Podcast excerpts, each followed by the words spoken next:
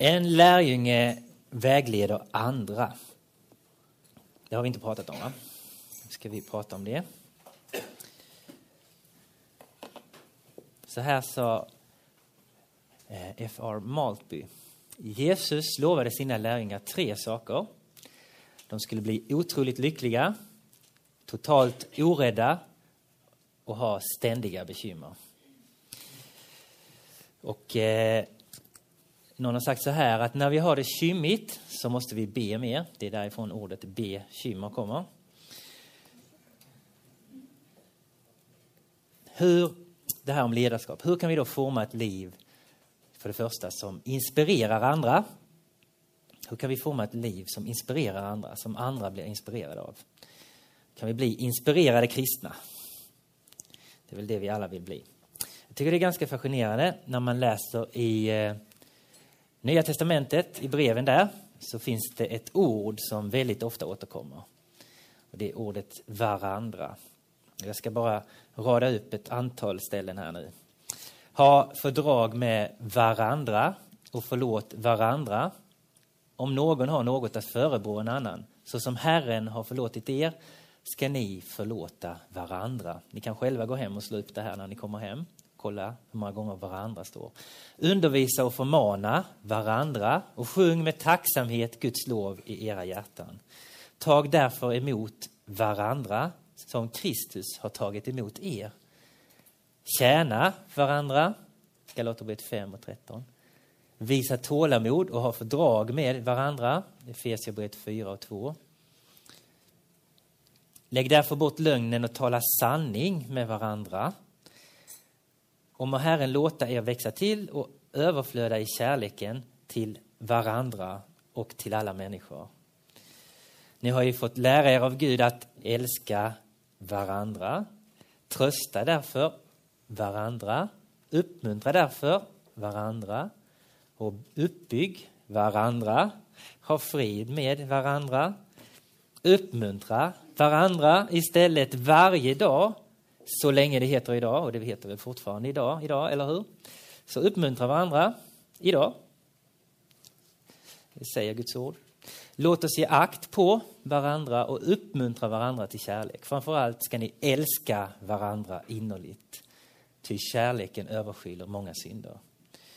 Var gästfria mot varandra och klaga inte. Tjäna varandra, var och en med den nådegåva han har fått som goda förvaltare av Guds mångfaldiga nåd. Mina älskade, låt oss älska varandra. Till kärleken är av Gud och var och en som älskar följer Gud och känner Gud. Tror ni att man kan vara kristen på egen hand? Tror ni det är tanken? Varandra? Nej, vi behöver varandra. Man kan inte vara kristen på egen hand. Det har man aldrig kunnat i historien och jag tror man kan det än mindre idag faktiskt. Det är svårt att vara kristen på egen hand idag. Vi behöver varandra. Och vill du leva ett liv som inspirerar andra så behöver du leva ett liv tillsammans med andra människor. Ett liv där du inspireras av andra, i gemenskap med andra människor. Så det var min första poäng. Det andra är att forma en karaktär som motiverar andra människor. Och en som gjorde det, det var, eh, det var Petrus han fick vara med om en förvandling. Lärjungarna, alla lärjungarna egentligen blev ju förvandlade i Jesu närhet. De var inte de samma när de hade umgåtts med Jesus en tid som de var innan de började umgås med Jesus. Och så är det med oss också. Alltså vi måste ju, eh, alltså när vi umgås med Jesus så händer någonting med oss. Eh, vi förvandlas, vi formas. Simon, eh, namnet Simon betyder stoft. Han var ju den som var jättekaxig och ville jättemycket och jag ska göra allt för dig Jesus, jag ska till och med dö för dig och så. Och sen så blev han totalt tillplattad. Va? Han fick ju uppleva hur han svek Jesus mest av alla och till och med förrådde honom och sa att jag känner inte den mannen. Men han fick gå ifrån att vara stoft till att bli en klippa. Han blev alltså den som sen står upp på eh, pingstdagen och, eh, och eh, faktiskt med och startar upp kyrkan och församlingen. Den första kristna församlingen och rörelsen. Så han fick bli en klippa. Och hade du frågat hans bror Andreas om när Jesus ser Simon där. Så ser han Simon och så säger han Simon, du ska vara klippan, den stabila klippan. Då hade nog Andreas skrattat åt Jesus. Han gjorde nog det lite inom sig, tror jag. Han förstod nog inte Jesus riktigt där, för att någon mer förvirrad människa än Petrus på många sätt kunde man inte tänka sig. Och så säger Jesus att du är klippan. Har Jesus inte tappat eh, lite här? Va? Men det han menar, Jesus, det är ju att Jesus han ser ju inte bara vilka vi är, han ser ju vilka vi är på väg att bli, vilka vi kan formas att bli. Eh, Johannes, som har skrivit Johannesevangeliet, han är ju den som kallas för åskan. Han kallas faktiskt för åskans, en av åskans söner. Han ville kalla ner eld och svavel över en stad för att de inte lyssnade på Jesus när han kom dit. och så. Men han är ju den sen som får skriva kärlekens evangelium. Alltså han är ren kärlek på slutet. Han får gå ifrån att vara åska då till att vara kärlek. Det är en lite fin illustration på det. Då. Så lärjungarnas olika, totalt olika temperament de fick liksom smälta samman och bli till en enhet. De fick formas av Jesus. Att forma en livsstil då, som det tredje och sista, som utmanar andra. Eh, och det är Paulus som skriver i Filipperbrevet 1, vers 21. Att få leva ger fler tillfällen att göra något för Kristus och att dö, ja det är faktiskt också en vinst. Därför att då får jag ju komma till den här fantastiska staden, platsen på jorden som kallas för himmelriket och dela gemenskapen än mer med Herren där. På den nya himlen och den nya jorden. Så att leva, det är ju fantastiskt för då får jag göra något för Jesus. Men att få dö, det är ju än mer fantastiskt också. Så vad ska jag välja, tänker Paulus. Det är svårt. Eh, ty för mig är livet Kristus och döden en vinst, står det i en annan översättning. Alltså om man skulle summera Paulus liv, om man skulle sätta någonting på hans gravsten eller en rubrik över hans liv så skulle man skriva Jesus. Hela hans liv kretsade kring Jesus. Han levde Jesus, han, han eh, spred Jesus och han, hela hans liv var Jesus. Um. Jesus var Paulus motivation och inspiration. Var så till sinnes som Kristus Jesus var. Det var vad Paulus levde för. Det var nästan ett, ett mantra, ett motto över hans liv. Det var att vara så som Jesus var i sinnet. I en annan översättning, det här är då Filipperbrevet 2, vers 5. Ni bör vara sådana som Kristus Jesus var. Och mitt i lidanden, mitt i motgångar, mitt i allt det här som han upplever så kan han ändå glädja sig i Herren. Glädja er i Herren alltid. Än en gång vill jag säga er glädje. Paulus han lever i den glädjen. En annan översättning. Var alltid fyllda av glädje i Herren. Jag säger det om igen. Var glada. Och det är vi ganska dåliga på i eh, kyrkan ibland, att vara glada. Men det är faktiskt en av de första eh, sakerna som den heliga Ande gör i våra liv. Det är att han fyller oss med glädje om vi tar tid. Vi går ifrån att vara kanske missmodiga till att få frimodighet. Vi går ifrån att vara kanske lite nedstämda till att faktiskt få se glädjen. Om vi tittar på vad Jesus har gjort för oss när han dog på korset för oss. Allt det han har gjort för oss att han faktiskt lever idag, att vi kan ha en levande relation till honom. Det fyller oss med glädje om vi umgås med honom, om vi ser, verkligen ser det han har gjort för oss. Och Paulus han hade Jesus som sin inspiration. Därför var han också en inspirerande person. Alltså när människor var i närheten av Jesus, eh, Paulus så var de automatiskt också i närheten av Jesus. Så intimt levde de tillsammans. Paulus han gjorde det omöjliga och när de såg att han gjorde det omöjliga, då gjorde andra också det omöjliga. Alltså, då fick de lära av honom, ha den beroendet av Jesus som Paulus hade. Det är till och med så att när Paulus, han sitter i fängelse, i Filipperbrevet här så sitter Paulus i fängelse. Jag vet inte hur det är med er, men om, ni skulle, om jag skulle sitta i fängelse så skulle jag nog bara tänka på en enda sak, på hur synd det var om mig själv och att jag vill ut. Jag vill härifrån nu. Men hur tänker Paulus? Jo, Paulus, hans stora inspiration, hans stora glädje i livet är evangeliet och det Jesus har gjort. Så när Paulus sitter i fängelse, då säger han jag är glad för att jag sitter i fängelse. För evangeliet går fram än mer när jag sitter i fängelse. än om jag skulle vara ute ur fängelset. Därför att vad händer när Paulus sitter i fängelse? Jo, helt plötsligt så kliver andra ledare fram och säger nu när Paulus inte är här, då måste vi ta ansvar. Då måste vi också sprida evangeliet. Dessutom var det så att det gick rykten på stan där i, i Filipp, Filippi och runt omkring i städerna. Den där Paulus, han sitter i fängelse. Varför gör han det? Varför är inte Paulus ute längre? Ja, det måste ha någonting med den där Jesus att göra. Och så börjar man ställa frågor om Jesus och det blir samtal om Jesus och plötsligt kom folk till tro på Jesus på grund av att Paulus satt i fängelse. Så Paulus hade ett helt annat perspektiv än vad vi har idag. Vi vill ju gärna ha vår sköna säng, vårt varma hus, alla våra bekvämligheter. Han tänkte, hur kan vi se evangeliet gå vidare till fler människor? Hur kan Jesus få större utrymme i mitt liv? Hur kan Jesus få större utrymme i den här staden, i den här världen? Det var Paulus perspektiv.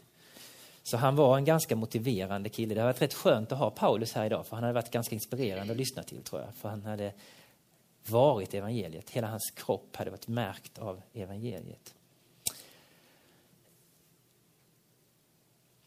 Mellan jag har all makt och jag är alltid med er får vi lov att gå ut och göra lärjungar. Ehm, det står ju så här i Matteus evangeliet 28, vers 19 20. Jag har fått all makt i himlen och på jorden, säger Jesus. Gå därför ut. Gå därför ut. Och sen säger han, jag är med er alla dagar in till tidens slut. Däremellan att Jesus har all makt i himlen och på jorden och att Jesus alltid är med oss. I det får vi gå ut. I det får vi gå ut i vår vardag. I det får vi gå ut i vår klass eller i den miljö vi rör oss i. Och så får vi ha med oss honom som har all makt i himlen och på jorden och han som alltid är med oss i alla situationer i livet under alla omständigheter. Jesus sa, gör lärjungar. Det sa han faktiskt, gör lärjungar. Hjälp människor att få lära känna mig. Hjälp fler människor att få upptäcka mig. Hjälp mer människor att få se det, jag, det, det du har fått se i mig eh, gör lärjungar. Vågar du anta den utmaningen att, att faktiskt dela? Att inte ha din tro för dig själv, att inte bara sitta inne med min, min tro utan faktiskt bekänna färg ibland när det behövs. Eh, där ni sitter nu så kan ni bara fundera eller skriva på ett papper tre stycken punkter. Inspirera, motivera och utmana. Eh, är du inte en kristen så kan du ändå tänka på det här. Hur vill jag vara en förebild eh, som människa? Eh, är du en kristen så kan du fundera på hur kan jag bli mer inspirerad och inspirerande som kristen? Hur kan jag motivera andra, hjälpa andra att bli taggade för det här med att att tro på Jesus? Hur kan jag utmana min omgivning? Hur kan jag utmana människor att faktiskt bli efterföljare, de som är Guds älskade barn också? Kan ni skriva en mening på varje? Vi tar ett par minuter till det här. En lärjunge låter sig vägledas, är det nu. Vad kan det då innebära att låta sig vägledas? Eh, vi har pratat om det här ganska mycket och vi fortsätter där. Att eh, det kan handla om att vi som människor ofta är ganska förvirrade. Vi kan vandra ganska planlöst genom livet utan att fundera på vart är jag på väg? Vad är meningen med det här livet? Vad, vad vill jag med mitt liv? Eller finns det någon tanke med att jag finns till? Eh, överhuvudtaget. Och jag tycker att har du inte stannat upp och gjort det sista tiden så tycker jag att, eh, att eh, ta gärna avsätt en liten stund och fundera över var, vart är mitt liv på väg egentligen?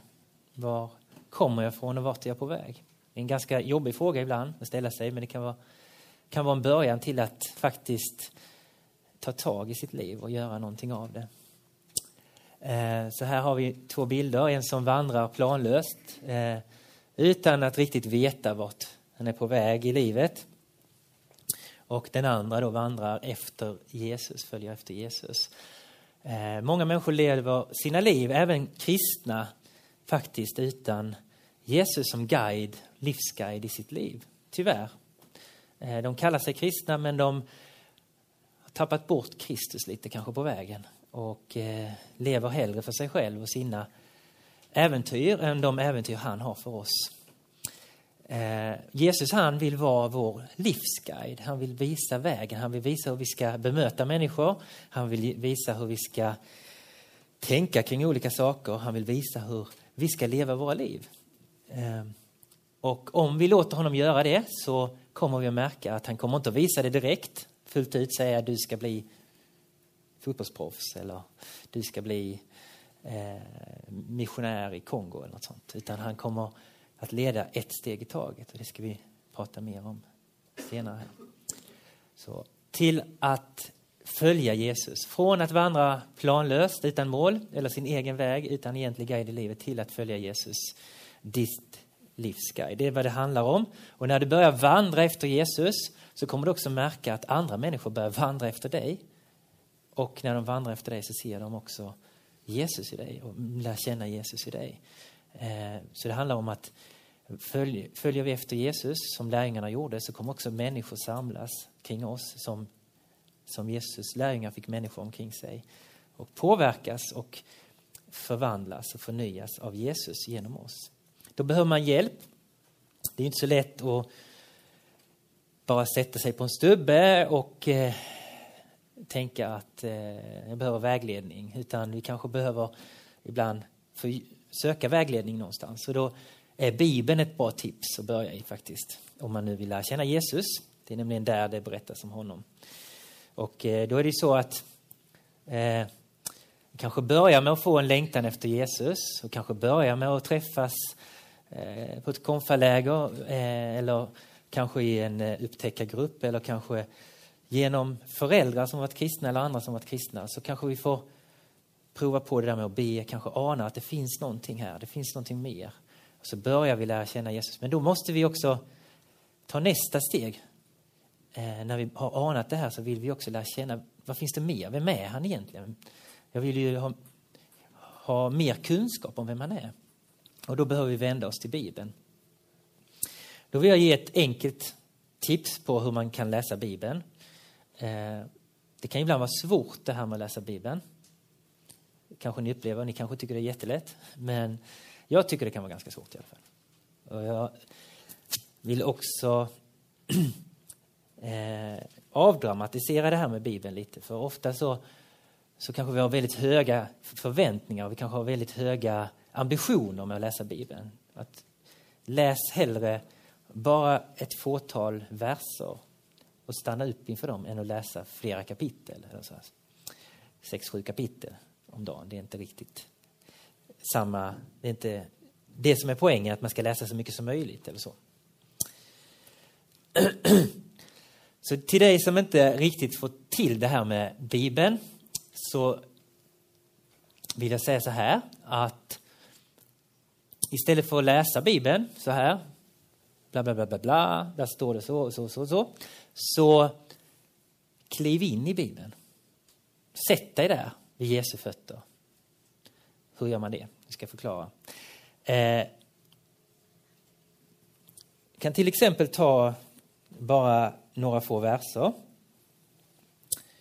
eh, ur kan ta egentligen vad som helst i evangeliet där Jesus är i aktion eller där Jesus möter människor eller Jesus gör någonting. Och så läser man bara några verser här. Eh, till exempel Lukas 8.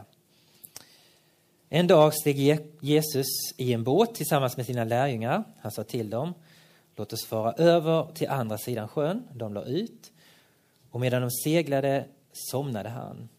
Då for en stormvind ner över sjön och båten tog in så mycket vatten att de höll på att fyllas och de kom i sjönöd. Och de gick fram och väckte honom och sa Mästare, mästare, vi går under. Då vaknade han och talade strängt till vinden och vågorna och de lade sig och det blev lugnt.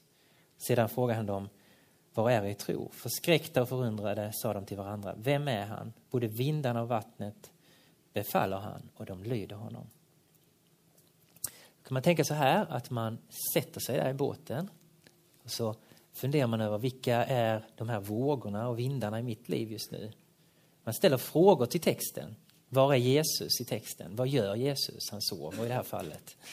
Eh, och eh, vad kan vara... Vad upplever jag liksom när jag sitter i den här texten, när jag är i den här texten? Och ställer man då frågor sådär till, kan man ställa frågor till, till Jesus och till lärjungarna och eh, iaktta vad som händer, så kan man börja fundera kring sitt eget liv. Finns det något orosmoment just nu i mitt liv? Kan jag känna igen mig i det här att det finns något område i mitt liv där jag kanske känner att jag håller på att gå under på det här området? Eh. Och så på det sättet så öppnar sig texten på ett annat sätt och man får ett samtal.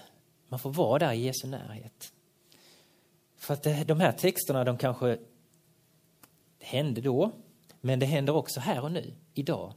Precis som Jesus stillade stormen då, så kan han stilla stormarna i ditt liv. Det som håller på att blåsa upp och bli jobbigt i ditt liv. Precis som Jesus sa till vågorna att lägga sig, så kan han faktiskt säga till det som håller på att förstöra ditt liv, att lägga sig och gå tillbaka. Så att, att se, vi ska inte läsa Bibeln som en lagbok eller något annat, utan vi ska läsa det som precis vad det är. Guds tilltal, Guds eh, ord. Se och lyssna, känn in vad som händer i texten. Och börja gärna i evangelierna, börja gärna i Johannes evangeliet till exempel, om du aldrig har läst Bibeln innan eller om du vill börja. Eh, och, så, och så ta hellre några få verser och sätt dig vid Jesu fötter och samtala med Jesus än att läsa jättemycket och inte få ut så mycket av det alltid. Det finns också bibelläsningsplaner som är bra att ha som hjälp. Det finns ju en som heter Accent som nu kommer också i helbok för ett helt år, tror jag, till nyår. Bönen, för dig som brottas det här med bönen, kan det också vara svårt. Ibland så söker vi Jesus långt borta, eller vi försöker koncentrera oss och fokusera på att Jesus, liksom dra ner Jesus eller hitta honom någonstans mitt i min tillvaro. Ett tips som många äldre kan ge är att ta en stol, vilken stol som helst. Och så ber du att Jesus ska sätta sig där. Eh, konkret, välkomna Jesus in i din vardag. Du kan ha en stol vid din säng eller vad som helst, eller sitta vid köksbordet. Och så för du ett samtal med Jesus om ditt liv. Du delar ditt liv. Så att det blir ett samtal och inte en lista på saker som han ska åtgärda i ditt liv. Eller en lista på saker som du behöver just nu. Utan det faktiskt blir ett samtal. Och där du också stannar upp och lyssnar. Vad, är det så att när jag sitter i bön här och när jag sitter och samtalar med Jesus så kanske ett bibelställe kommer upp som en uppmuntran. Eller är det kanske en lovsång som kommer upp som jag har sjungit en gång som, som jag börjar. Då är det Gud som verkar i dig. Då är det Gud som gör någonting i dig. Och då ska du ta vara på det. Därför att det kan vara att Gud faktiskt försöker säga någonting genom de här sångerna eller bilderna eller tankarna eller så. Ehm. Så rabbla inte bönen utan låt bönen bli ett samtal istället. Och ta hellre kortare tid och ge Jesus avsatt tid. En, en stund då, då det är en bra tid på dagen, då han faktiskt får tid med dig. Än att ta fem minuter innan du ska somna. Det är ganska, om jag bara skulle umgås med min fru fem minuter innan hon skulle somna varje kväll, då skulle vi inte ha någon relation längre kan jag säga dig. Om du skulle med din bästa kompis säga att ah, jag hinner inte umgås med dig, men fem minuter innan jag ska sova så, så kan du få den tiden. Då tror jag inte att ni skulle ha en så bra relation.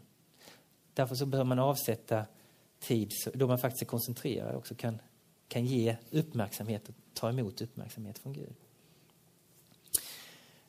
Vilken utrustning behöver jag då? Eh, I Efesierbrevet 6 så talas det om en rustning som vi behöver ta på oss som kristna. Det första som står det är att vi ska stå fasta. Stå alltså fasta.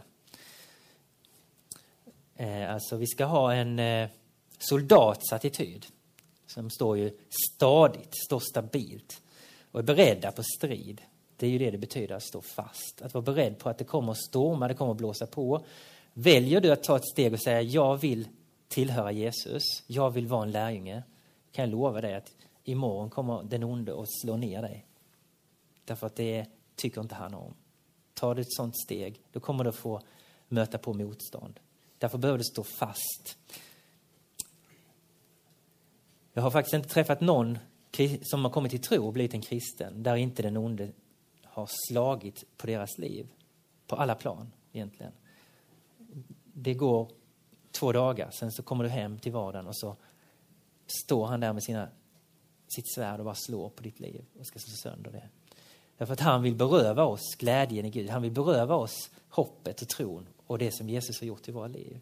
Så stå fasta och bli starka, inte i er själva, utan i Herren och i hans väldiga kraft. Alltså vi behöver ta tid och låta honom fylla oss. Ta på er hela Guds vapenrustning så att ni kan stå emot djävulens listiga angrepp. För djävulen är listig. Han ger sig inte på, om du tänker, han är inte som vi människor som är kanske lite schyssta ändå.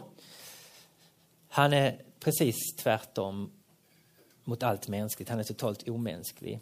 Har du en svag punkt så är det precis där han slår. Har du något område du har fallit på tidigare i ditt liv eller sår i ditt liv, då slår han där.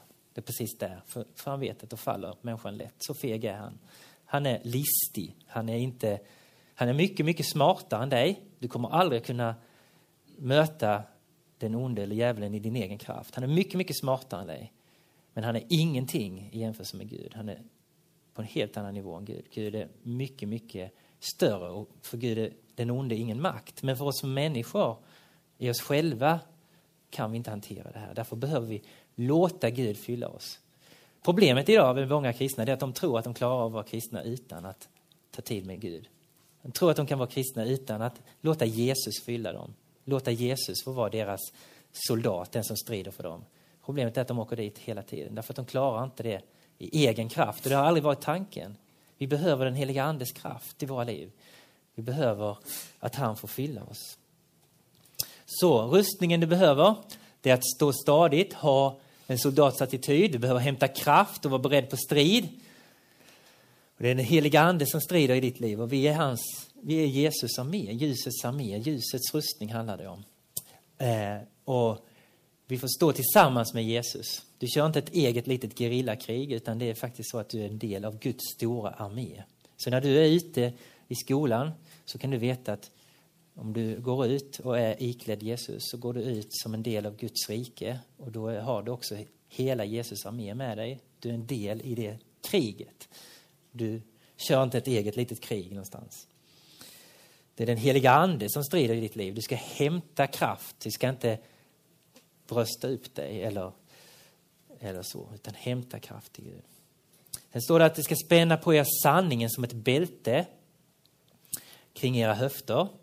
Att vi ska klä oss i rättfärdighetens pansar. Det är rustningen. Du ska rusta dig i sanningen. Om vi inte har sanningen så är risken att vi bara flyter med alla åsikter och tankar och allt som är inne just nu. Det är det som gäller i mitt liv. Om du däremot rustar dig i sanningen då kan du också stå emot det tryck som finns i vår tid. Det håller ihop livet. Ta på dig rättfärdigheten, alltså det Jesus har gjort för dig. Hans sår, det han har gjort för oss på korset. Du får ta på dig det. Beskyddet får du ta på dig eh, som ett skydd eh, som hindrar lögnen att få komma in i dig och hamna utanför, så att du hamnar utanför Jesus. Så det är det här bröstskyddet som hindrar lögnen att komma in. Sätt som skor på era fötter den beredskap som fridens evangelium ger. Och tag dessutom trons sköld, med den kan ni släcka alla den ondes brinnande pilar. Trons sköld, med den kan ni släcka alla den ondes brinnande pilar. Alltså vi behöver ta på oss villigheten, vi måste vara beredda att gå den där vägen som Jesus har stakat ut för oss. Var beredd att gå dit han sänder oss. För annars är det risk att vi befinner oss på ett eget litet äventyr och möter andra fiender som inte, och inte har Jesu kraft och inte är i honom, i hans kallelse, i hans vilja. Och då är risken att vi faktiskt går vilse.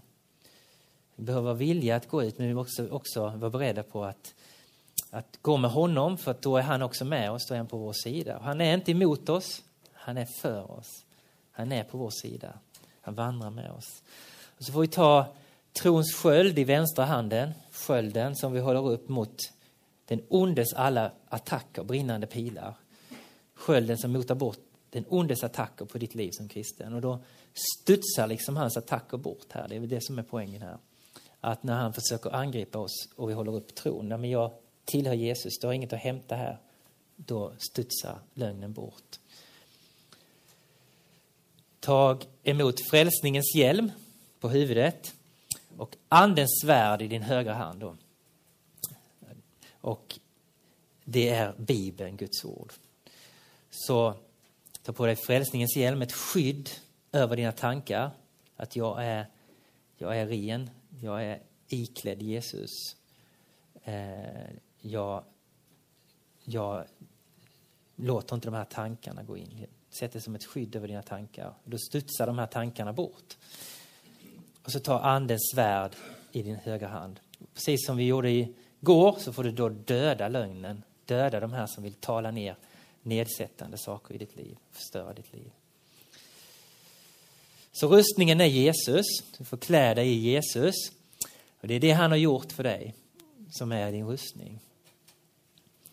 Eh, egentligen. Blodets kraft. Blodet har en väldig kraft i sig. Eh, I templet var det så att man offrade ett litet lamm som skulle vara felfritt, fläckfritt, perfekt. Det offrade man varje kväll och varje morgon. Ni kanske kommer ihåg att från ökenvandringen när Israels barn bröt upp och flydde från farao så, skulle, så var det en dom som gick ut över alla hus. Alla som inte hade blodet på dörrposterna, de, blev, de dog. Där dog den, drabbades av domen och döden kom in i deras liv. Men blodet beskyddade. Och så tänkte man också med de här lammen som offrades att blodet från lammet beskyddade, det var ett beskydd. Så får vi tänka varje kväll när vi går och lägger oss så får vi, får vi be Jesus stänka sitt blod på oss som ett beskydd. Att vi får vara i Jesu blod och det han har gjort för oss. Och varje morgon så får vi, som ett beskydd över natten. Alltså, varje morgon får vi göra likadant som ett beskydd över dagen. Vi får vara beskyddade i honom. Kriget pågår redan runt omkring er. Det är i full gång. Det är dags att komma in i matchen. Bli en del av det krig som pågår. Vi tar en paus på en kvart, men innan dess så sätt er bara där ni sitter och be att, att den helige Ande får blåsa liv i er och att han får fylla er med den här rustningen. Och eh, att han får klä er i, i Jesus, i ljusets rustning. Så att ni får vara helt inneslutna i honom.